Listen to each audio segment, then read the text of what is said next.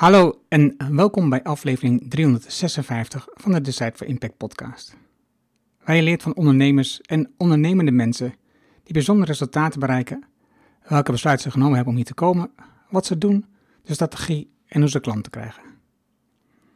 Mijn naam is Erno Hanning en ik deel mijn opgedane kennis, ervaringen en expertise met jou. Ik coach ondernemers zodat ze besluiten nemen om een impact te groeien. Vandaag het gesprek met Egge van der Poel. Egge is een beta met een alpha-randje. Gepromoveerd in de experimentele deeltjesfysica met daarnaast een bachelor als filosoof. Hij heeft een nieuwsgierige aard en een passie voor communicatie. Hij past niet makkelijk in hokjes en gebruikt die eigenschap om bruggen te bouwen. Laten we beginnen.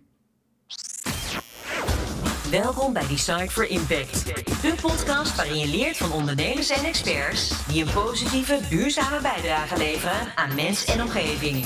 Met persoonlijke verhalen die je helpen om impactbesluiten te nemen voor jullie bedrijf. Dan nu, jouw business coach, Engel Halling.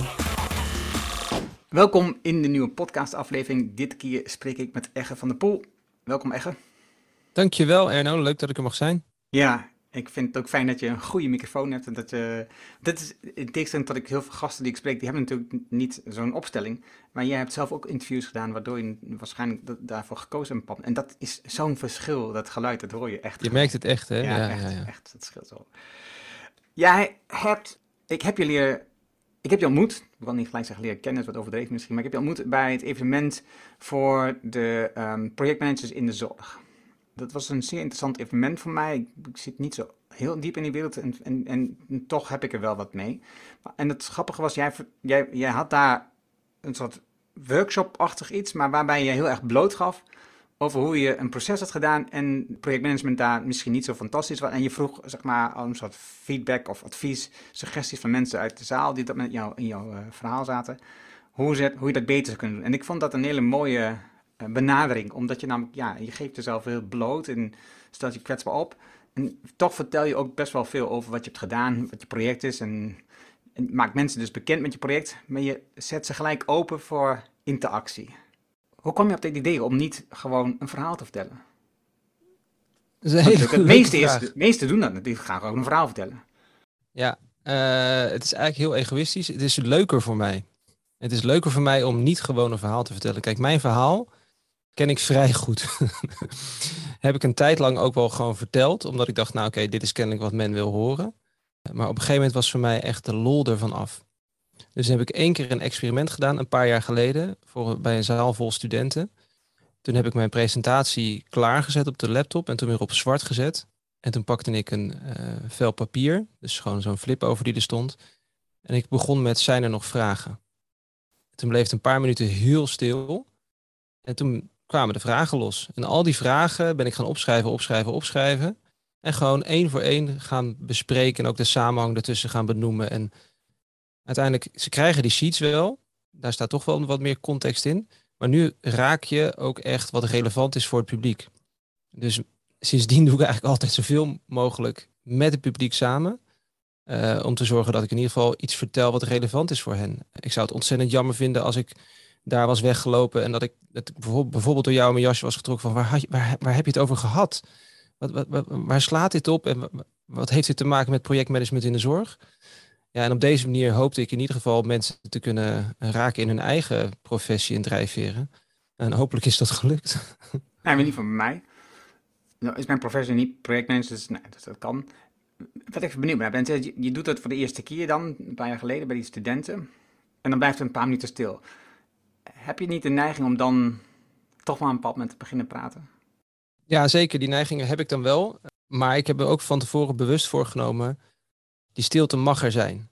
En daarom is bijvoorbeeld ook live college geven. In een, dit was een live setting toen.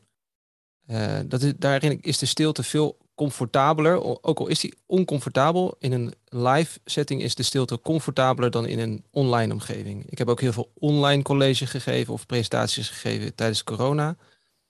Ja, dit, als je daar stilte laat vallen, dan merk je helemaal niet wat dat met mensen doet. Want iedereen is gemute en sommigen staan op zwart. En nou, hè, je ziet eigenlijk niet, maar je wil juist dat mensen een beetje ongemakkelijk gaan schuiven, een beetje elkaar aankijken. En uiteindelijk is er wel iemand die in zo'n setting dan toch wel roept van ja, uh, wat is big data? Nou, en dan, hè, dat is vaak, hè, ik kom op data, artificiële intelligentie, nou, digitalisering. Nou, dan krijg je vanuit zo'n vraag en dan privacy. Nou, hup, en dan buitelt het op een gegeven moment buitelt het over elkaar heen. En dat, dat, nou, dus ik denk dat het wel, ik heb er van tevoren over nagedacht. Die stilte moet er zijn, die hoort er te zijn. En ik moet hem inderdaad niet gaan volpraten, want anders uh, mislukt het experiment aan de voorkant al. Nee, dat is een van de dingen, tips die ik het ook eh, voor het podcast opnemen heb geleerd ooit. Ik dacht dat hij van Timothy Ferris was aan James Altucher. Dat Tim had gezegd van, weet je, als, als er een stilte valt, dat is niet erg. Onderdrukt de neiging om dan iets te gaan zeggen, om iets te gaan voor te stellen of om een soort richting te geven. Laat de ander gewoon even nadenken, want dan krijg je vaak diepere antwoorden. Dus je krijgt veel intensere antwoorden als dat je al iets probeert richting te geven. En dus, dus ik vind het een heel mooie uh, werkwijze. Jij, je noemt het al, big data, dat is een onderwerp van jou. En je hebt gestudeerd, gewerkt aan een project bij CERN. Ja. Uh, voor de mensen die het niet weten, wat ik me haast niet kan voorstellen. CERN, dat zit in Genève um, en daar is, zit die deeltjesversneller in die grote loop, in die buis. Maar wat doe je dan als je dat onderzoekt? Heb je even? Uh, mooi. Uh, kijk, wat ik heb gedaan, kijk, je, kunt daar ontzettend veel verschillende dingen doen. Wat ik heb gedaan, ik heb daar tijdens mijn afstuderen en tijdens mijn promotieonderzoek gewerkt aan één van de vier detectoren die daar staat. En uh, nou, je noemde al die loop, hè, de, de, ring, de versneller, die ligt daar onder de grond. Dat is een ring van uh, 27 kilometer omtrek. Daarin worden protonen linksom en rechtsom geschoten. Uh, en op bepaalde plekken worden die op elkaar gebotst, die bundels die links en rechtsom gaan. Nou, en op al die plekken waar wordt gebotst, staan detectoren omheen. En bij de, een van die detectoren heb ik aan een subonderdeel gewerkt om uh, de fragmenten die ontstaan, hè, de, de, explosie van deeltjes die ontstaat bij zo'n botsing van protonen, om daar dan signalen van op te meten. Nou, dat is een wereld, dat kun je je bijna niet voorstellen. Hè? Ik heb daar 100 meter onder de grond uh, ondersteboven gehangen, als in een soort van Mission Impossible houding, om daar dingetjes vast te schroeven. En dan weer naar boven en weer naar beneden en weer naar alles kalibreren, proberen, aanzetten, uitzetten. En totdat het ding het dan eindelijk deed. En we klaar waren voor die botsingen. En dan ook de eerste botsingsdata geanalyseerd. Nou, dat is echt een fascinerende wereld. En niet zozeer vanwege de fysica. Dat is al fascinerend genoeg. Hè? Dat je de grenzen verlegt van de natuurkundige kennis. En dat je ook op die manier ja, echt onbekend terrein uh, betreedt. Want nou, zo'n grote deeltjesversneller was er nog nooit geweest. Dus we wisten eigenlijk niet zo goed wat we konden verwachten. Maar het feit ook dat dit een wereldwijde samenwerking is, is wat mij daarna het meest heeft geïnspireerd om in zorg een andere houding aan te nemen. Of te proberen dat mensen daar een andere houding aan nemen. Want bij CERN, nou, voor de mensen die dat dus inderdaad niet weten, dat is een Europees Centrum voor Onderzoek naar Elementaire Deeltjes, hè, of Recherche Nucléaire, daar staat de RN voor, Centre Européen de Recherche Nucléaire. Maar het is niet alleen Europees, het is wereldwijd. Er werken daar uh, van Amerika tot en met uh, Japan en China en Rusland. Dat werkt allemaal samen. Hè. Israëli, Palestina, werkt allemaal samen daar. Uh, met dat overkoepelende doel om nieuwe fysica te ontdekken, in mijn geval dan het Higgs-deeltje. En die manier van samenwerken, ja, die ben ik in de jaren daarna uh, in de zorg nog niet zoveel tegengekomen. Hè? Dus het, het feit dat je met elkaar een gezamenlijk doel nastreeft en daarop dus ook data deelt en kennis deelt en nou, echt met elkaar samenwerkt, dat is iets wat ik graag wil uh, bepleiten dat we de zorg meer moeten doen. Dus CERN is voor mij een manier geweest om de natuurkunde beter te doorgronden, maar vooral een manier geweest om te zien hoe je met elkaar chocola kunt maken van hele ingewikkelde datastructuren. En dan moet je echt met elkaar gaan samenwerken. Twee vragen. Eén wat meer praktisch, de andere dat gaat over die samenwerking. Maar even dat praktische. Ja, je zegt die deeltjes die botsen op elkaar. Dan krijg je zo'n explosie. Uh, wat voor een explosie? Is dat heel klein? Ik heb geen idee. Uh, ja, klein is relatief in de wereld van de elementaire deeltjes. Maar het, is echt heel klein. Kijk, dus um, even het idee is, we gaan even terug naar 1964. Er is een uh, hele mooie theorie van de natuurkunde. Die werkt ontzettend goed. Iedereen is er ontzettend blij mee. Het model heet, die theorie heet het standaardmodel. Nou, er werd al, hè, de naam zegt het al, was behoorlijk de basis van alles, hè, van het begrip. Nou, alle, alles wat we waarnemen in de natuurkunde op dat moment wordt gewoon goed verklaard. Hè? Tot op 20 decimalen achter de komma komen de voorspellingen of de berekeningen komen uit met wat we meten. Iedereen is super blij, behalve het feit dat in die formule, in dat model, in het standaardmodel, zit de term massa niet. Hè? Dus eigenlijk wordt alles goed voorspeld, alles goed berekend. Maar de deeltjes die een rol spelen in dat standaardmodel zijn massaloos, volgens, volgens het model. Ja, dat is natuurlijk best lastig als de wereld om je heen volledig bestaat uit massa. Dus er is een enorm verschil dan in 1964 tussen de theorie, het papier en de werkelijkheid. Nou, en meneer Peter Higgs is iemand die dan het model, de formule, een klein beetje heeft aangepast op een manier dat er nieuwe dingen ontstaan in de wiskunde. Doet er verder niet toe. Maar de implicatie daarvan was, er moet nog een nieuw deeltje zijn. Nou, dat deeltje is door anderen het Higgs-deeltje genoemd. Maar vanaf dat moment eigenlijk, hè, vanaf dat, dat, die gedachte, dat gedachte-experiment van Peter Higgs in 1964 is eigenlijk hè, een soort, soort eh, race begonnen door de natuurkundige wereld richting op zoek naar dat Higgs-deeltje.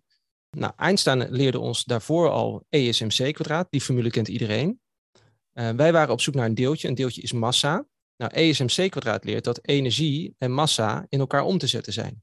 Dus als je op zoek bent naar een massa, dan is de manier in de natuurkunde om dat te doen, om dat deeltje te creëren, is om heel veel energie bij elkaar te brengen. Hoe breng je heel veel energie bij elkaar? Is heel dom, dingen op elkaar botsen. Dus de beste manier waarop natuurkundigen weten hoe ze deeltjes moeten creëren, is door andere deeltjes heel hard op elkaar te botsen. Dus als je, want als je heel hard protonen op elkaar botst, dan krijg je een soort van moment waarop heel veel energie dus op één plek bij elkaar is. En dat is inderdaad kleiner dan je je kunt voorstellen, hè? 10 tot de min 20ste. Hè? Dat soort schalen, dus een 0,00, heel veel nullen en dan ergens een eentje. Maar op die schaal komt dan heel veel energie bij elkaar. En in dat moment kan dus via E is mc kwadraat door die energie een massa ontstaan. Nou, en die massa, dat is een deeltje wat instabiel is. Anders hadden we het al lang om ons heen heel vaak gezien. Dat, dat nieuwe deeltje gaat dus vervallen, zoals dat dan heet. Dat spettert uit elkaar in andere deeltjes. Die spetteren soms ook weer uit elkaar in andere deeltjes. En wat je krijgt is een soort van sproeier van signalen, van deeltjes die signalen achterlaten in de detector die je eromheen hebt gebouwd. En vanuit die sproeier, die, die vingerafdruk als het ware in je detector, gaan wij als een soort van Sherlock Holmes, tenminste ging ik, maar gaan anderen nu nog steeds een soort van Sherlock Holmes, de sporen onderzoeken van twee deeltjes die zo gemeten zijn, die moeten dus een gezamenlijke oorsprong hebben. Nou, dan uh, hoort daar volgens de energie die we hebben opgevangen, hoort daar een massa bij van een deeltje. En nou, zo ga je gewoon op zoek naar, is er een massa die vaak voorkomt? En als er een massa is die heel vaak voorkomt, dan heb je daarmee het bestaan van een deeltje bewezen. Of eigenlijk heb je het bewezen dat het heel erg onaannemelijk is dat het deeltje niet bestaat. Dat is hoe je het bestaan van een deeltje bewijst in de natuurkunde. Dus dat is, dat is de hele praktische vraag.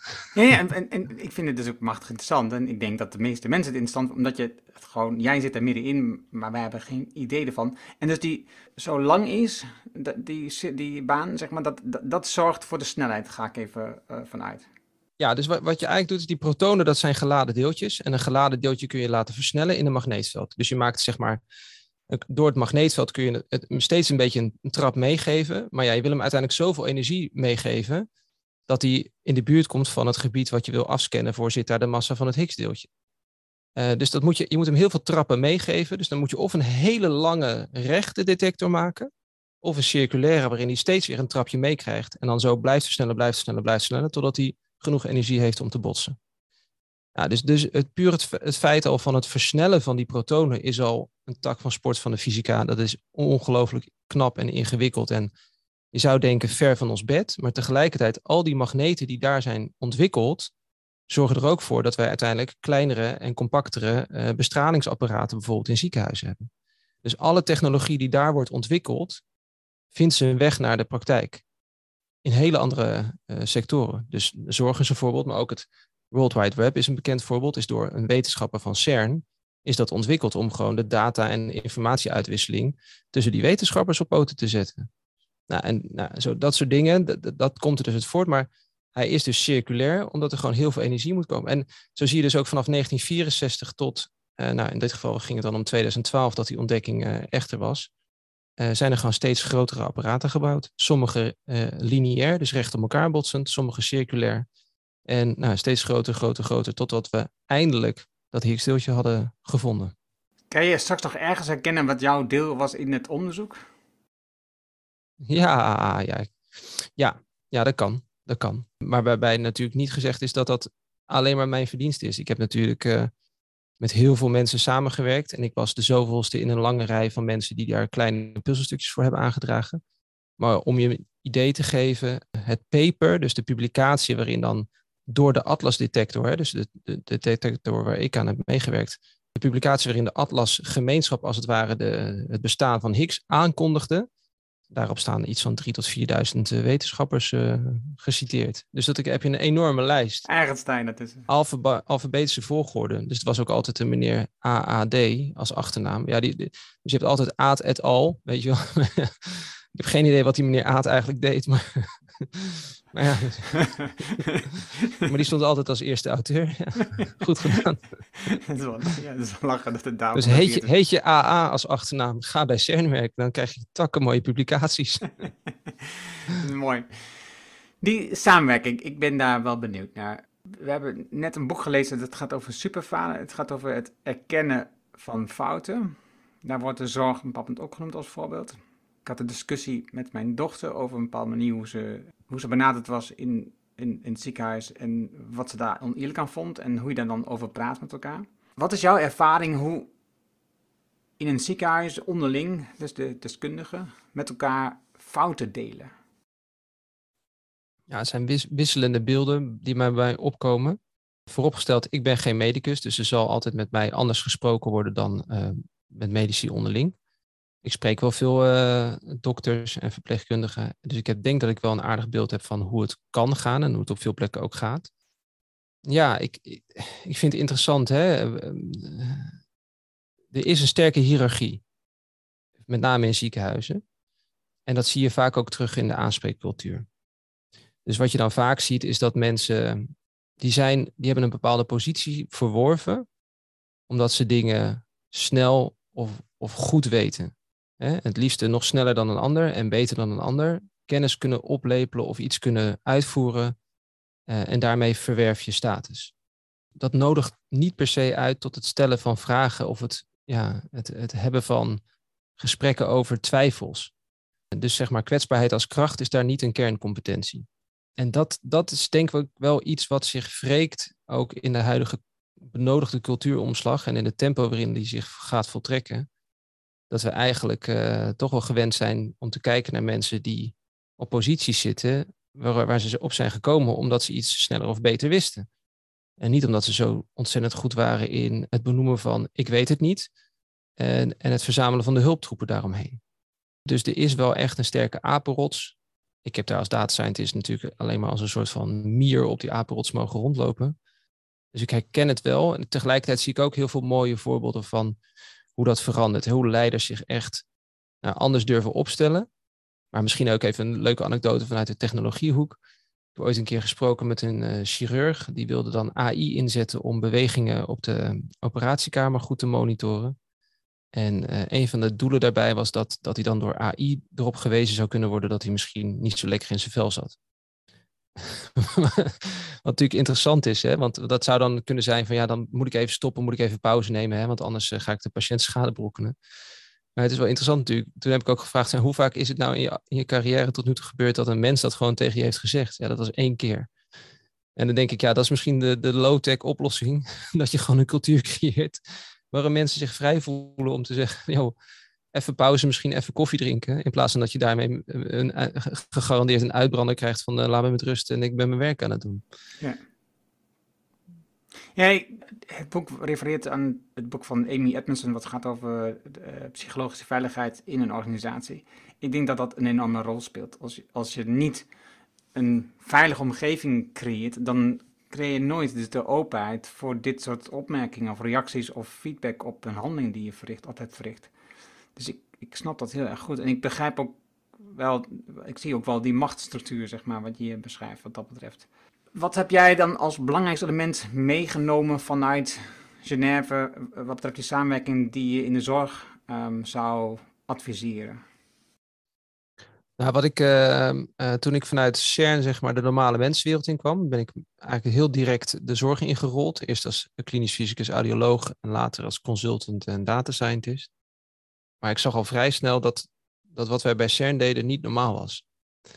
als, je daar, als je daarin doorstroomt. En ik wil niet zeggen dat CERN het, de, ideale wereld is. Daar is ook gewoon politiek, daar zijn ook machtspelletjes. Daar zit hij ook niet aan tafel met die en zo. Maar ik was altijd een beetje de, ja, de gespeelde naïveling die dan gewoon met zijn bordje toch aanschoof bij die andere groep. En dan gewoon ging vragen, joh, hoe is het met je? En dan bleken daar toch mooie dingen te kunnen. Dus nou toen, ik in de, toen ik in de normale menswereld terecht kwam, toen was de hype van big data bezig. Nu is dat dan artificiële intelligentie, maar toen werd het big data genoemd. Dus dan heb ik wel eens gezegd, wij moeten veel meer gaan big daten. Dus we moeten data delen, samenwerken met een gezamenlijk doel. En dat is het denken wat ik sindsdien de afgelopen tien jaar nog, nog steeds iedere keer probeer over te dragen. Data delen, samenwerken, gezamenlijk doel. En uh, veel discussies vinden op het niveau van datadelen plaats. Hè. Kan dat wel, privacy, techniek, ga ze maar door. Nou, samenwerken, hoe regel je dat dan in? Maar eigenlijk is de grootste bottleneck toch wel het gezamenlijke doel. Hoe kom je tot het formuleren van een gezamenlijk doel waar we allemaal achter staan? En hoe kunnen we nou ervoor zorgen dat ja, die transformatie, die transitie waar we toch wel doorheen moeten, op weg naar een nieuwe vorm van uh, gezondheid en zorg. Ja, hoe, komen, hoe, hoe, kunnen we dat nou toch voor elkaar krijgen met zo'n gezamenlijk doel, met zo'n gezamenlijke missie, hoe je het ook maar wil noemen. En dat is eigenlijk de organisatorische, en ik, kon, ik kan daar nog steeds niet voldoende, zeg maar, de termen van organisatiemanagement, hè, dus daarom vond ik het ook leuk om bij zo'n congres projectmanagement in de zorg te zijn ja, dat zie ik ook gewoon als een kans om van het publiek dan te leren. Om te leren van hoe zitten jullie erin? Hoe pak je dit aan? En hoe krijgen we nou echt met elkaar de zorg de goede kant op genudged? Dus big data, dat is eigenlijk mijn grootste les vanuit uh, CERN. Ik ga het zo even door, maar ik ben even benieuwd. Want waarom, wat is er nu niet goed in de zorg? Waarom moeten we veranderen in de zorg, wat jou betreft? Er zijn veel dingen en het, uh, ik heb niet uh, het overzicht, mijn kennis is niet uitputtend, maar in de basis kun je natuurlijk altijd wijzen op het feit dat preventie geen verdienmodel heeft. Hè? Dus we zijn gewend om zorg te leveren en dat levert geld op. Sowieso vind ik taal altijd al interessant, zorg leveren. Hè? Dus in plaats van zorg bieden. We hebben het over zorgproducten en leveren zorg. Alsof je Albert Heijn bent. Maar goed, dus het, bieden van zorg is uh, je verdienmodel. Uh, terwijl met de demografische ontwikkelingen hè, uh, en het feit dat technologie vooruitschrijdt of voortschrijdt, krijg je een best wel explosieve en gevaarlijke mix van dat mensen denken dat alles maar kan hè, qua technologie. Dus we kunnen alles wel fixen. En we worden allemaal ouder. Dus we krijgen een enorme oudere groep. Dus als die oudere groep gaat eisen dat alles kan en alles gebeurt, dan is het eigenlijk onbetaalbaar. Dus we zullen naar manieren moeten om te proberen dat die mensen minder zorg nodig hebben en zichzelf veel meer kunnen ja, nou ja, helpen of, of veel meer ook tevreden zijn met wat we hebben. Hoe cru dat ook klinkt. Hè? Het is niet maakbaar, we kunnen dingen niet fixen, we gaan dood. En daar vrede mee hebben. Ja, dat is eigenlijk in de basis wat er mis is. Dat preventie geen verdienmodel heeft. Dus er zijn nog geen goede modellen om, ieder geval niet grootschalig ingepast, om te zorgen dat we gewoon gezonder gaan leven. Dat we, eh, dat we gewoon zorgen dat we in de basis goed in elkaar zitten. Dat we ook uh, voldoende lichaamsbeweging, gezond eten, Kijk naar heel die discussie over de BTW, wel of niet op fruit. Ja, het is toch gewoon echt belachelijk dat je, hè, tot, tot een paar jaar geleden, kon je gewoon in het Erasmus MC langs de appie daar lopen en dan stonden de chips en de biertjes stonden in de aanbieding gewoon in de etalage. Dat is toch gewoon kansloos in een ziekenhuis. Ik ben helemaal niet voor betutteling hoor. Je mag echt wel, en ik drink zelf ook graag biertjes en uh, leef ook niet roomser dan de paus. Maar ja, in, zo'n omgeving moet je niet ongezond gedrag gaan uh, aanmoedigen. Dus net zoals met een rookvrije generatie hoort er ook bij dat je dus ook dat soort dingen daardoor doet. Dus dat is één. En um, een andere belangrijke is dat de mensen die nu, laten we zeggen, bepaalde status hebben in zorg, zij het als bestuurder, besluitnemer, manager, professor, X of Y, ja, die zijn er toch vaak door het systeem gekomen en door in een systeem gekomen wat uh, delen niet als default heeft. Dus het feit dat je uh, bijvoorbeeld je eigen database opbouwt van patiënten, waaruit je heel veel studies kunt persen, wat je heel veel publicaties oplevert en dan ben je straks professor. Ja, zo, zo werken heel veel mensen. Dus het, dat, die database geef je niet vrij. Want dat is je bestaansreden hè? Als, als status voor jouw professie. Ja, we willen, hebben nu tools in handen qua digitalisering waarin we delen echt de default kunnen laten zijn. Ja, maar ga dat maar eens doen. Dus daar geldt ook eigenlijk van, delen heeft geen verdienmodel. Dus maar preventie heeft geen verdienmodel, delen heeft geen verdienmodel. En toch weten we dat we veel meer informatie en kennis met elkaar moeten delen om sneller te leren. Nou, dat heeft COVID ons ook laten zien. Hè? Het, het, het delen van die kennis heeft ervoor gezorgd dat we het nog relatief snel onder controle hadden. Als we, als we die twee dingen niet fundamenteel gaan aanpakken uh, en alleen maar binnen onze eigen silo's blijven nadenken van hoe kunnen we dit optimaliseren om nou ja, de huidige status nog efficiënter, nog beter, nog naadlozer tussen ons onderling te laten lopen, dan heeft, dan heeft de toekomst eigenlijk ja, heel veel efficiënte silo's in, in het verschiet, maar heel weinig holistische, gehele systemen. En dat is wel wat we nodig hebben. Ik heb echt nu twintig nieuwe vragen. Heel goed. Ik heb ook de tijd. Even, even, een lastig punt nu oppakken. De risico's met zich meebrengt. Je stipte net COVID aan en ik zag dat je lid was van een advies, of je was adviseur van een, rond het COVID-traject. Iets, ben even exact kwijt wat was. Ik ben briljant mislukt met Stichting Corona in kaart. Bedoel je die? Die, ja. Stichting Corona in kaart. Juist. Je bent ook nog adviseur bij de, bij de GGD, toch? Ja, dat ben ik uh, daarna geworden, ja. Ja. Okay. GGD West-Brabant. Wat is, um, stichting, wat is Stichting Corona in Kaart? En waarom is het briljant mislukt? Stichting Corona in Kaart is een uh, initiatief wat gestart is 18 maart 2020. Dus echt beginperiode van uh, corona in Nederland.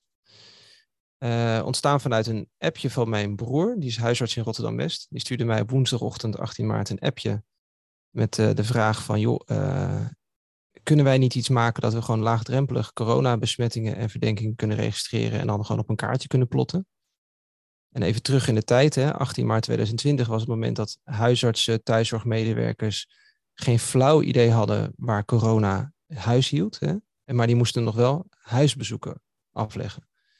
Nou, dat was ook de tijd waarin persoonlijke beschermingsmiddelen schaars waren. Dus ja, je moest gewoon iedere keer weer de keuze maken: ga ik me in dat pak hijsen om hier naar binnen te gaan? Of niet?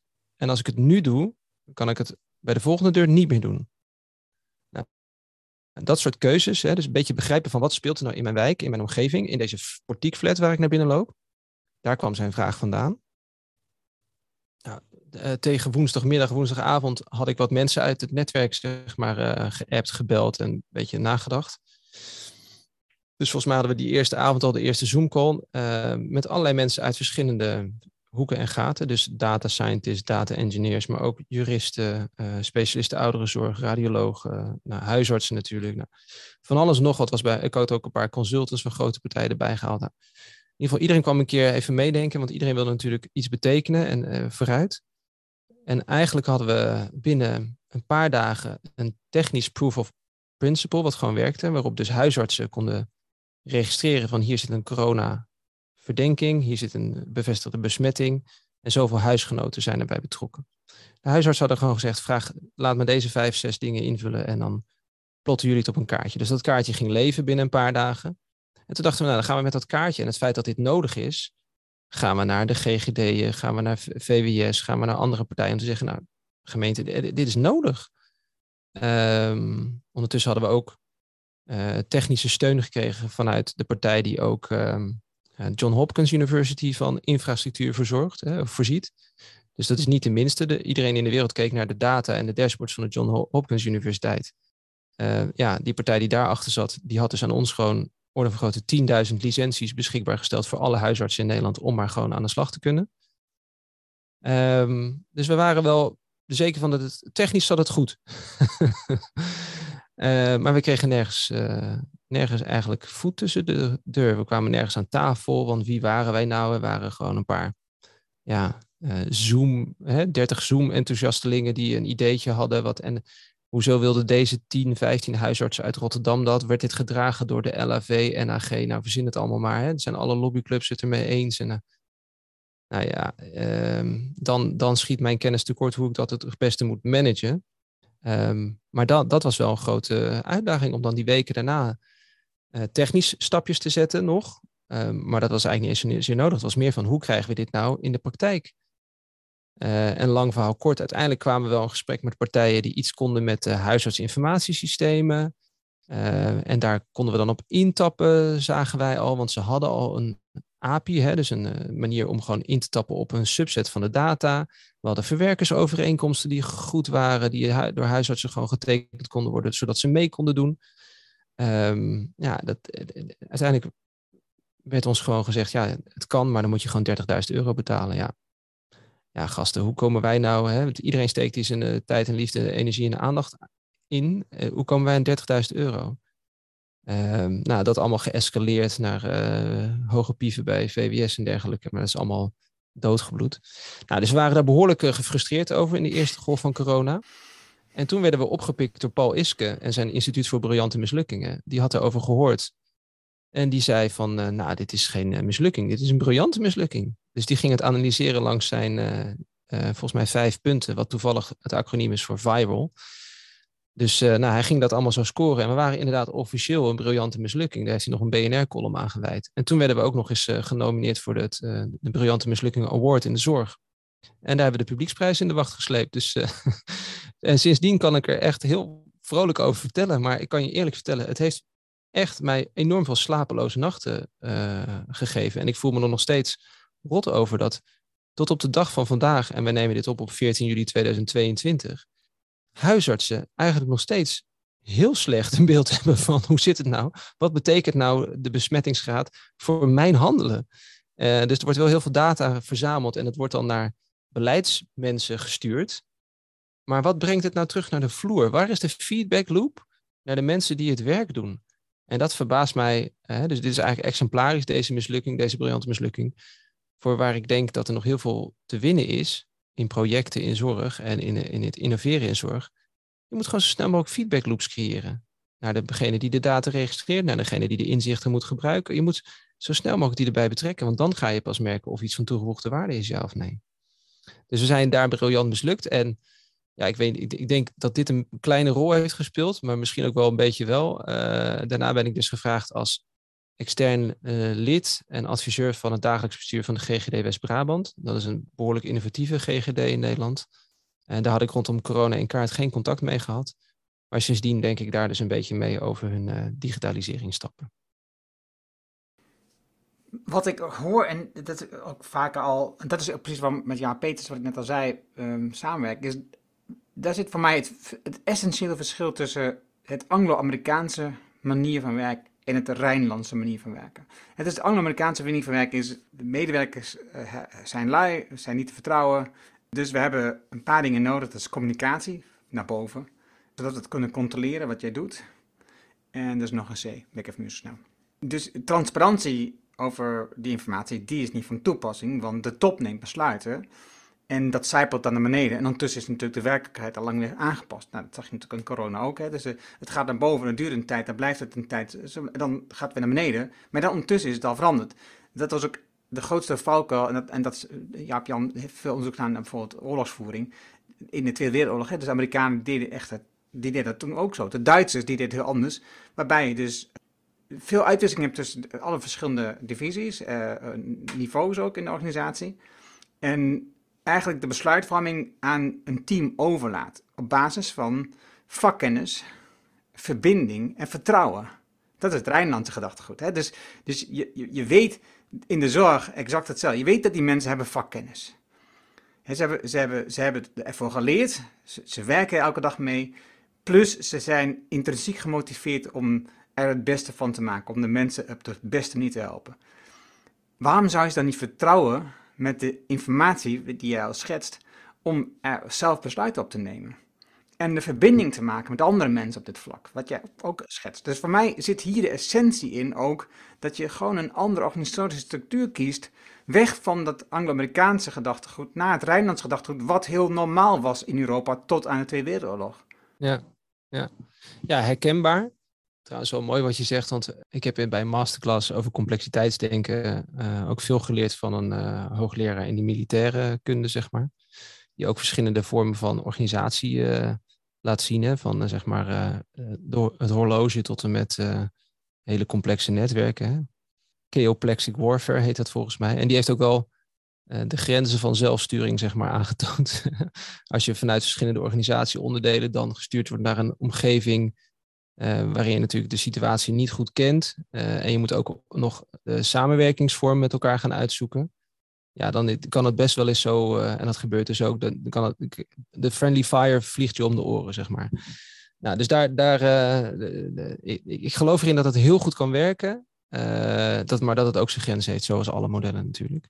Maar ik herken dit enorm, dat, dat het feit dat, dat wij eigenlijk veel meer controle mechanisme hebben dan dat we vertrouwen bieden aan mensen. Dat is eigenlijk ook ons, ja, ons allerbelangrijkste belangrijkste ontwerpprincipe in het boek uh, Geheelmeesters.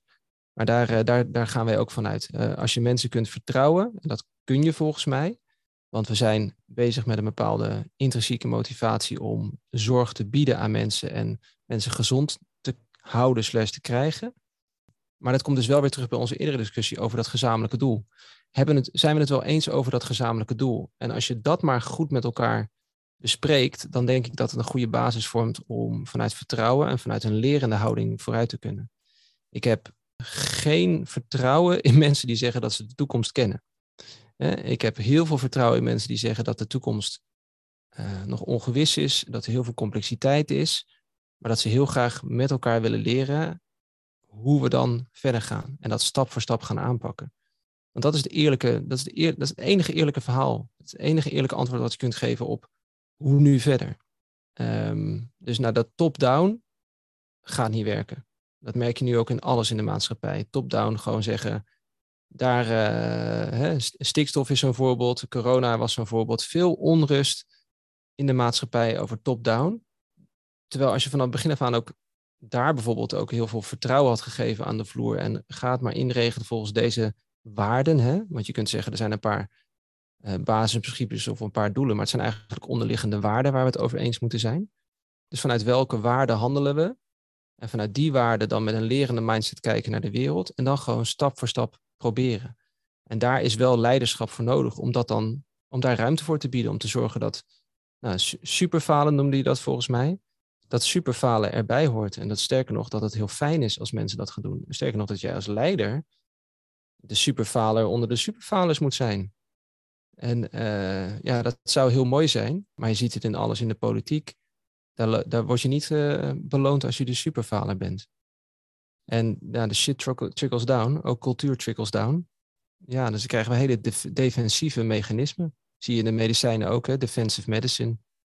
Gewoon zorgen dat je geen, uh, geen gekke dingen doet, in plaats van dat je risico durft te nemen. En dan, ja, dus niet voor de paar procentjes beter, maar het moet echt radicaal beter. Eh, ik denk dat is dus in mijn ook een van de problemen waar we nu tegenaan lopen eh, in de zorgpolitiek. Dat, dat, dat die gezamenlijke richting niet duidelijk is. Het is wat je al zegt, die waarden, die onderliggende waarden die je had op dat moment met corona. laten, we, laten mensen die zwak zijn overlijden. In het begin zei het al, dus eh, wat is, we kunnen niet alles fixen. We willen het heel graag, maar het gaat gewoon niet. Daar moeten we heel reëel in zijn. En, to, en, tot wanneer is die grens? En, zo, en, daar is in mijn optiek, en ik stond er natuurlijk nog veel verder af dan jij, maar in mijn optiek is daar dus heel veel onduidelijkheid over geweest en hebben ze ook geen duidelijkheid over geschept. Nog steeds niet geschapen. Zodra je dat doet, kan je veel meer mensen meekrijgen. En dat is dat die leiderschap die je beschrijft. Als je leiderschap toont en zegt, en dit is waar we voor staan, wij willen die groep mensen op een andere manier benaderen, want daar en daarom. Dit is de groep van mensen die we alle vrijheid gunnen, omdat dit en dit en dit zo is. En dit is de groep mensen waar we gewoon uh, zicht op willen wat er gebeurt. Nou, zodat je, nou, hè, dus deel het maar op in verschillende e-, etappes, weet ik veel wat. Maar in ieder geval dat je richting aangeeft van dit is wat we gaan volgen. Want één ding was voor mij super helder rondom COVID, maar ook nu met stikstof. Uh, wat jij ook beschrijft. Wat er komt, zeg maar, wat, is de, wat er over een maand of over een jaar is, dat is onduidelijk.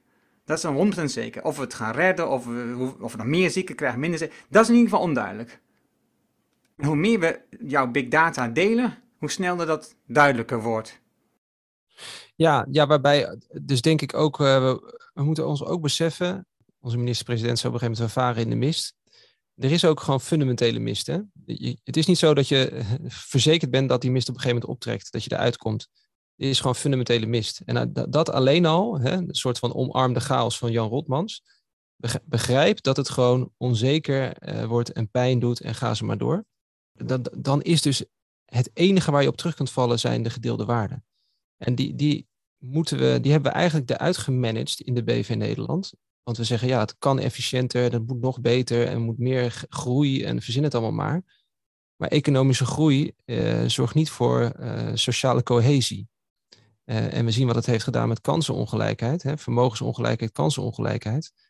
Ja, het, is natuurlijk echt ongelooflijk dat we eigenlijk vanaf het begin vanaf corona al zagen dat het in bepaalde wijken veel harder toesloeg. dat dat nul effect heeft gehad in het beleid, is schandalig. En dan zie je later, als we gaan vaccineren, ook nog eens dat in die wijken waar het het hardste toeslaat, ook nog eens de minste vaccinatiebereidheid is. Dus ja, er zijn mensen uh, die echt een standbeeld verdienen, zoals een Shakib Sana of een Robin Peters. Dat zijn artsen in Rotterdam. Uh, Robin Peters, internist, Shakib Sana, huisarts. Die hebben uh, de marktvaccinaties opgestart. Dus die zijn gaan vaccineren op de markt. Want ze zeggen, er is al een gezondheidskloof. Hè? Er is een informatiekloof. Dan komt er ook dus een vaccinatiekloof. Nou ja, en als we die vaccinatiekloof niet dichten en de informatiekloof niet dichten, dan wordt die gezondheidskloof alleen maar groter. Ja, en dat is een maatschappelijke opgave van heb ik jou daar. Maar verbinding is het enige antwoord. Het is niet van, uh, uh, nou oké, zo is het. En hoe kunnen we dit nu het beste spinnen? Want dat is vaak de vraag van, van politiek Den Haag. Hoe kunnen we dit spinnen? Maar het echt fundamenteel begrijpen van, er is, het is ook niet hun ambitie om de kloof te dichten. Maar je moet altijd ervoor gaan dat mensen zo goed mogelijk hun leven kunnen leiden in een zo gezond mogelijke omgeving. Hè? Misschien een volgende boek voor je boekbespreking uh, podcast, als je daar nog ruimte voor hebt, is The Infinite Game van Simon Sinek. Ik weet niet of je hem al hebt gelezen. Hebben, ik was hebben al besproken, maar ik uh, weet niet omzend zeker. We hebben ondertussen, voor mij hebben we hem besproken. over, de, over de just cause. Hè? Wat is nou je... Dus, dus, dus eigenlijk een soort van uh, overambitieus doel. Waar ga je nou eigenlijk voor? Hè? Het verschil tussen de finite-minded en de infinite-minded. Uh, niet denken van het is winnen en verliezen en het is op een gegeven moment opgelost. Maar echt, wat is nou je oneindige, hè, met je blik op oneindig, waar wil je nou naartoe? En wat ik heb geleerd van het boek, heb ik heel veel dingen geleerd van het boek, maar wat ik ook heel mooi vond, is dat hij de maanlanding, vond hij dus finite-minded. Dus waar iedereen nu zegt, wat is je moonshot? Dat is eigenlijk nog heel erg ja, bekrompen denken in die, die termen, of even eindig denken. Want uh, ja, als je op de maan eh, staat, dan is het spel gewonnen. Dan is het klaar. En waar Simon uh, Sinek dus toe oproept is, denk nou verder dan boots on the moon, zullen we maar zeggen. Waarom, waarom wil je dit eigenlijk? En waar wil je nou eigenlijk naartoe? En wat, wat is nou vanaf dat moment nog wat je drijft om het te bereiken? En dat is dus eigenlijk moet je dat zo ambitieus en zo, misschien wel zo niet concreet mogelijk formuleren om te zorgen dat het je in ieder geval blijft motiveren. Ja, we zijn natuurlijk ook gewend om heel erg smart dingen te formuleren. maar uh, uh, ja, dan, dan, re dan race je van het ene optimalisatieprojectje naar het andere, waarmee je niet noodzakelijkerwijs uh, het grotere geheel helpt. Daar spraken we eerder ook al even over. Ik, we hebben het boek nog niet besproken, het staat op onze lijst, ik weet het wel, want we hebben wel het boek Leaders Eat Last van hem besproken. Oh ja. Um, maar ik had het boek al gelezen en ik had er al een artikel over geschreven, dus vandaar dat ik me het zo goed herinner. En grappig genoeg, denken we dan weer, weet je, waarom komt zo'n boek van een Amerikaanse auteur die in een omgeving zit waarbij dit dus helemaal niet de grondgedachte is? Terwijl in, in het Rijnlands gedachte is dit de grondgedachte al. Weet je, het, het oneindige is al de grondgedachte. Dus waarom moeten we dan weer een Amerikaanse auteur opzoeken die ons gaat vertellen hoe we zouden dat moeten organiseren? Terwijl eigenlijk weten we dat al lang. Dat is nog... Ja, dat is marketing. Daar kun je verder heel, veel van vinden. Dat is niet, mijn vakgebied, maar ik ben het met je eens dat dat, dat ren, renmeesterschap, hè, dat, die term alleen al, dat is natuurlijk eigenlijk hoe wij altijd, tenminste hoe, wat, wat diep in onze cultuur zat. Hè? Ik weet, het zit er ergens diep nog wel in. Maar het neoliberalisme heeft wel hard toegeslagen. Exact. Ik, ik moet e-, e-, even zo'n tussendingetje even voor mij, een conclusie. Toen we ons eh, vorige keer hier over, spraken over jouw werk en waar je mee bezig was en je project waar je nu aan werkt, en, uh, of bedrijf moet ik eigenlijk zeggen. En wat ik had verwacht dat we zouden bespreken en, en waar we nu op uitkomen, dat had ik totaal niet verwacht dat we zoveel overeenstemming op dit, op dit onderwerp hadden. Dat is, eh, ik vind het super gaaf. Natuurlijk, als je iemand hebt die hetzelfde denkt, dat maakt het gesprek veel makkelijker. Maar ik vind het super gaaf dat je op dezelfde manier ook daarover denkt. Want dit is, dit is precies waar ik mijn hart van maak op dit moment. Want die ongelijkheid, die zit in het systeem van het neoliberalisme. En daar gaat dus de ecologie, de wereld van kapot. En daar moeten, en ik weet niet hoe snel, wanneer, al die mooie dingen die bedacht zijn, ik weet het niet. Maar één ding weet ik wel, we moeten het anders doen. En, en dat is waar ik voor strijd. Dus laten we dan van diep op ingaan. Maar dan even vanuit uh, de zorg en ook vanuit jouw boek. Want als ik naar dit boek bekijk, Geheel Meesters, compromisloos, compromisloos, radicaal, betere zorg ontwerpen. Dat is waar het voor staat. En je zegt, zorgprofessional die buiten de eigen kolom kijkt, kennis deelt en zich compromisloos inzet om een toekomstvaste zorg te ontwerpen. Veel woorden, maar even, wat is een toekomstvaste zorg in jouw visie? Ja, het boek is opgedeeld in drie delen: dromen, ontwaken en ontwerpen. En in onze droom uh, hebben we het wel over een aantal elementen waarin, waaraan die toekomstvaste zorg moet voldoen, in ieder geval in onze droom. Maar we nodigen dus vooral ook de lezers uit om zelf meer te dromen. Om niet te blijven hangen in altijd zo geweest denken. Hè? Dus hoe het nu is, is niet hoe het hoeft te zijn. Nou, het zal je niet verbazen dat met mijn achtergrond dat in, mijn, in onze droom zeg maar ook uh, data moeiteloos aan elkaar geknoopt wordt. Hè? Uh, maar we, dromen ook dat de echte transparantie is over kwaliteit. Dus niet uh, zeg maar afvinklijstjes of afrekenlijstjes, maar gewoon kwaliteit als, als onderdeel van het leren. Hè? Dus ook weer voorbeelden vanuit de luchtvaart bijvoorbeeld van als er ergens iets misgaat, dan leren we ervan. We gaan niemand de schuld geven, maar we leren ervan. Nou, we hebben het ook over dat we geloven dat we veel meer technologie makkelijker moeten kunnen inpassen in de praktijk. Dat we daar niet ja, hele moeilijke processen of procedures voor moeten hebben, maar dat je gewoon zo snel mogelijk kunt ervaren of iets in de praktijk werkt. Daar hoort ook bij dat privacy niet tot drempels leidt. Hè? Dus dat we niet blijven hangen in allerlei geneuzel over interpretatie van wet X of Y, maar dat we gewoon kunnen zeggen, nou, we weten dat we goed voor de individuen willen zorgen, voor de persoonsgegevens van individuen willen zorgen, maar we weten ook dat de manier vooruit vereist dat we meer solidair zijn met elkaar en ook op het gebied van datadelen meer solidair zijn met elkaar. We kunnen niet snel leren als we niet data met elkaar delen. Dus moeten we ook op niveau van data en informatie meer met elkaar delen om sneller te komen tot nieuwe kennis en wijsheid.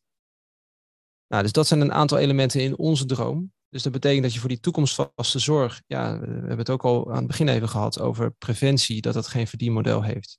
Dat, dat nu eigenlijk uh, delen niet de default is. Nou, alles wat daar wel aan voldoet, uh, komt al in de buurt van toekomstvaste zorg. En dan schrijven we nog niet eens in het boek over, laten we zeggen, uh, de echte groene uitdagingen die we nu hebben. Van het, bijvoorbeeld het, het, duurzaam maken van je IC, waar ik Nicole Hunveld laatst over heb gesproken. Ja, hoe zorg je er nou voor dat, dat je geen afval produceert als ziekenhuis of als afdeling? Dat is natuurlijk in de zorg een enorme uitdaging waar om de havenklap, zeg maar, nieuwe verpakkingen worden opengescheurd of maar een klein beetje worden aangebroken en dan de rest wordt weggeflikkerd. Dus nou ja, dat zijn allemaal uitdagingen. En die toekomstvaste zorg is dus met name opgericht als, dat we delen als default hebben, dat we dromen, durven en doen op een manier dat we sneller leren met elkaar. Jij gaat er vrij snel overheen. Hè? Je hebt het nu twee keer gezegd, op preventie zit geen verdienmodel. Dat betekent dus als je, mijn vertaling daarvan is, als je dus kijkt naar een beter welzijn, dat je dus nadenkt over hoe je mensen vanaf het begin gezonder maakt. Dus als we nu kijken naar de hoeveelheid mensen die al overgewichtsverschijnselen hebben, of obese zijn, en op welke leeftijd dat optreedt, dan, dan hollen we heel hard de verkeerde kant op. De oorzaak van dit verhaal zit denk ik veel meer in ja, zeg maar de Unilevers en dat soort partijen die de voeding maken en de marketing maken, waardoor we blijven eten, snoepen, verkeerde dingen eten. En dat is geen onderdeel van de zorg. Maar het is wel, als we, als we dat niet uh, begrenzen, organiseren, anders doen, dat we wel de problematiek daarvan later in de zorg op ons bord krijgen. En daar zitten dus de kostenposten. Nu zijn de ziektekostenverzekeraars ingericht op wel dus dat verdienmodel. Meer opereren um, levert meer geld op. Hoe zie je dit? Ja, ik denk het is, het is een uh, gecompliceerder verhaal dan dit, maar je hebt de essentie wel te pakken, denk ik. Kijk, zorgverzekeraars die zitten er niet in om geld te verdienen. Hè?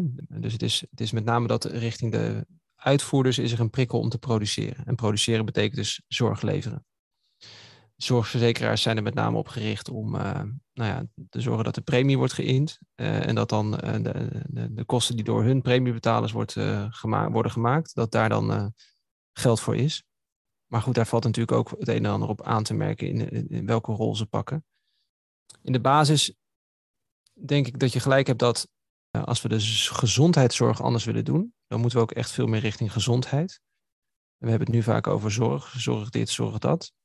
Uh, dus uh, hoe krijgen we nou partijen betrokken bij het anders inrichten van gezondheid? En hoe krijg je nou partijen zover dat ze eigenlijk zichzelf pijn gaan doen?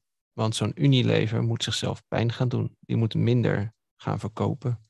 Minder van het slechte gaan verkopen, meer van het goede gaan verkopen. Dus daar moeten, die moeten echt een transitie door van heb ik jou daar. En dat gaat voorbij, zeg maar, de zero variant van je frisdrank. Maar echt op een andere manier, op een nieuwe manier ook, een nieuwe doelgroep misschien wel aanboren. En daar zijn ze denk ik nog niet aan toe. Maar kijk eens hoe verslaafd we zijn. Hè? Verslaving is misschien een zwaar woord voor ons gebruik van fossiele brandstoffen.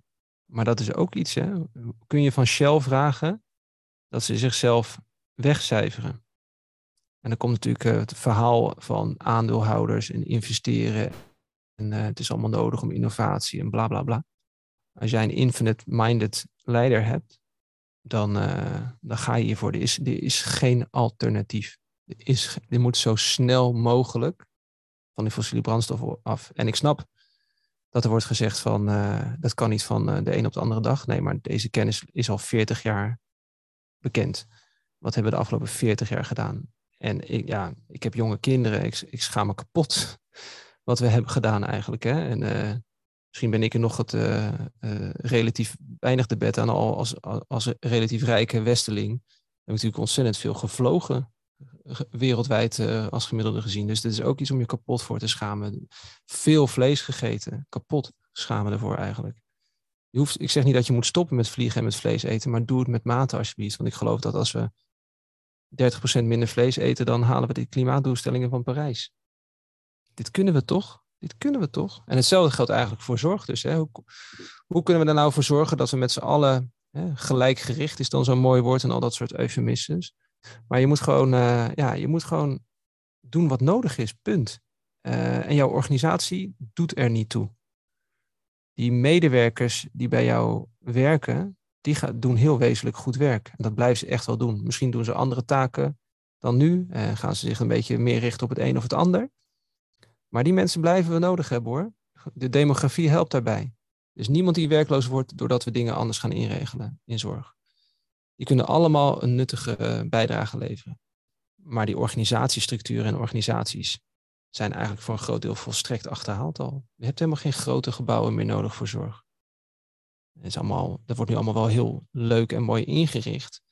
Omdat het dan nog een beetje als een uh, huiselijk gevoel dat het dat dan geeft of zo, of een andere invulling. Maar het is eigenlijk natuurlijk al ontzettend veel oud denken wat nog steeds uh, in dure stenen wordt gestopt. Dus daar, uh, daar kan ontzettend veel... Wacht, wacht, even.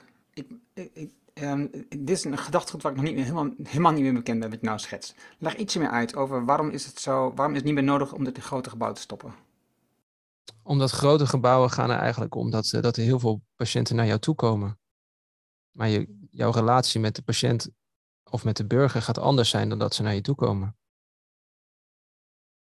En je, ja, die grote gebouwen zijn erop gericht dat patiënten naar jou toe komen om bij jou te gaan liggen of om, om bij jou onderzocht te worden of ga ze maar door.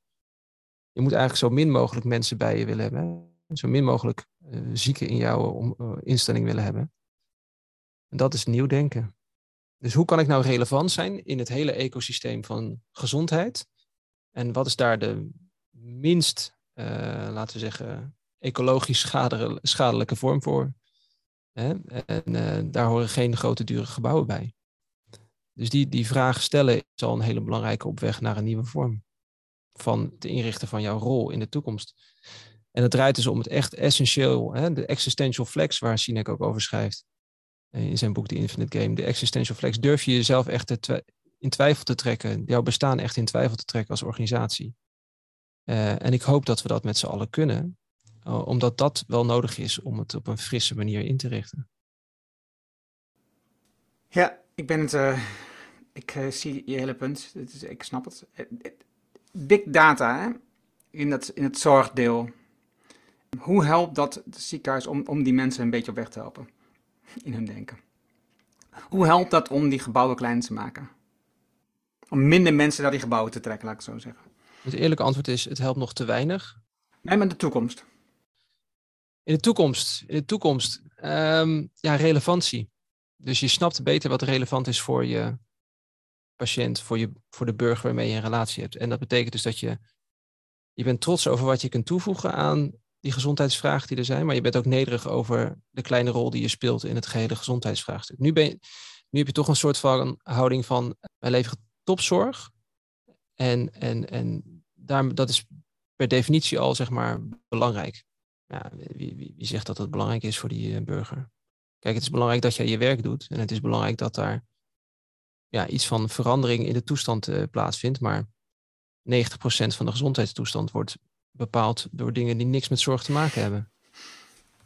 Dus uh, je moet wel trots zijn op wat jij kunt, maar je moet wel beseffen dat je het op een postzegel doet. Ja, daar zou ik nog nooit naar gekeken. Dus dat is fascinerend natuurlijk. Hè? En we steken wel 100 miljard met z'n allen in dat kleine stukje. Terwijl we doen heel weinig aan bestaanszekerheid. De grootste, de beste manier om mensen uit de psychische klachten te halen, hè, angsten, depressies en ga ze maar door. Heel veel uh, van dat soort aandoeningen hebben een grondslag in bestaansonzekerheid. En de beste manier om die tegen te gaan is gewoon geld te geven. Ja, dat zijn allemaal van die fascinerende dingen. Dat je denkt van, oké, waarom doen we dat niet gewoon? Maar, dus ah, in de basis naar een maatschappij waarin bestaanszekerheid is en ontplooiingsmogelijkheden er zijn. En dat is dus los van inkomen.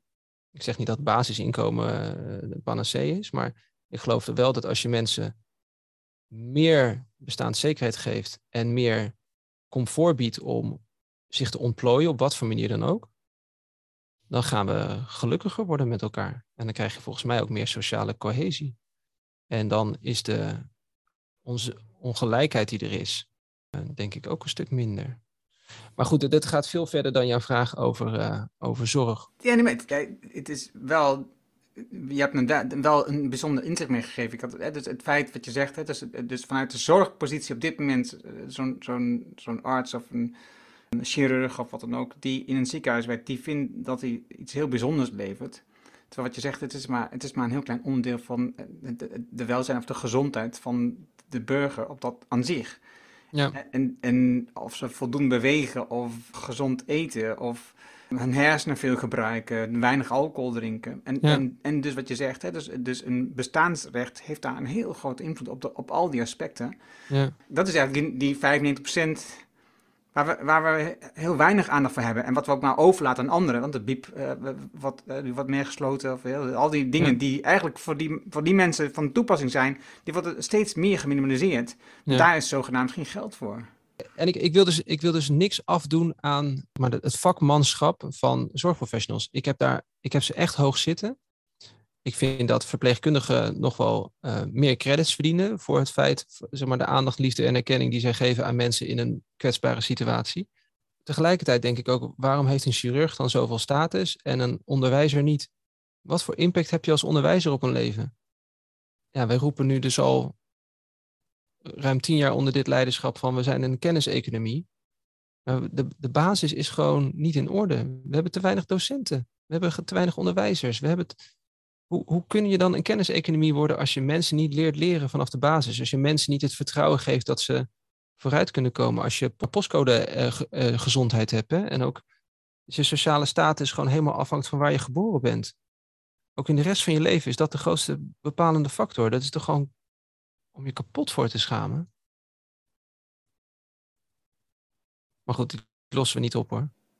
Nee, zeker niet in een gesprek. Maar het is wel voor mij heel veel inzichten die je hebt gebracht op punten waar ik uh, al mee eens ben, maar dan nog verdieping hebt gegeven aan mij om te laten zien, hé hey, vrek, in de zorg werkt het zo en zo. Uh, data, wat daar een rol in speelt. Jouw boek, Geelmeesters, of jullie boek, Geelmeesters, ik denk dat het super interessant is als je in de zorgomgeving zit. Maar ik denk ook interessant als je wat meer over die zorgomgeving wilt leren. Om te kijken, wat is er mogelijk? Want we hebben al een aantal linken gelegd met uh, andere vakgebieden die daar aan geleerd zijn.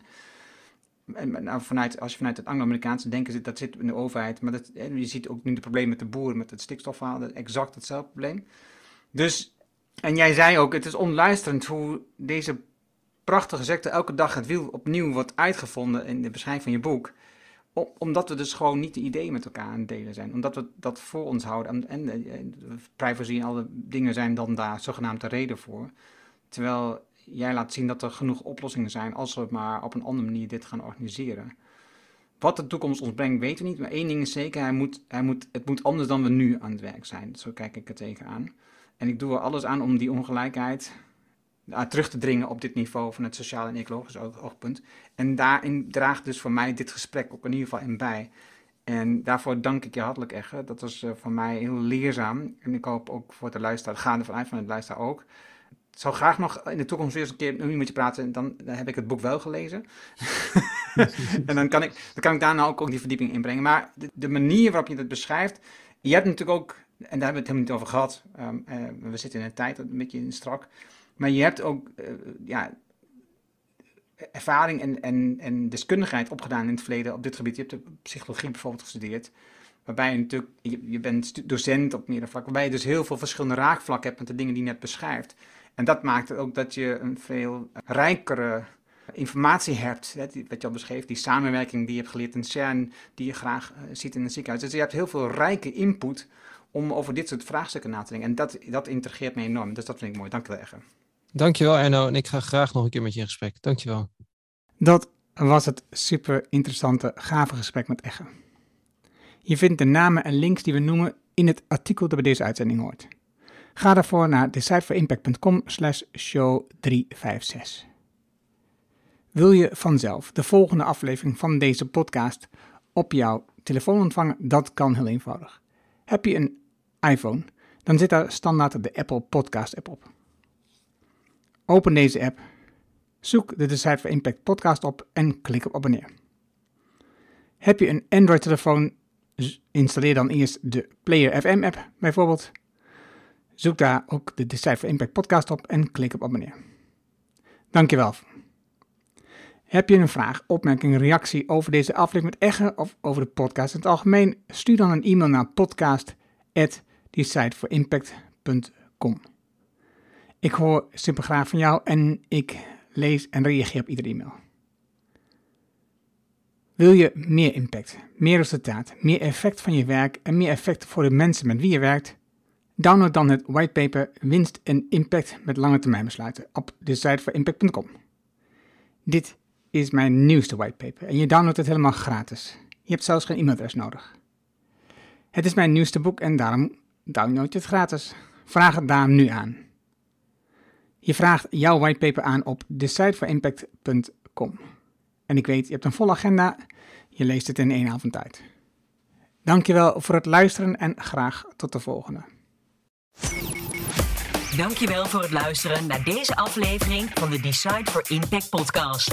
Ga voor jouw volgende stap naar decideforimpact.com.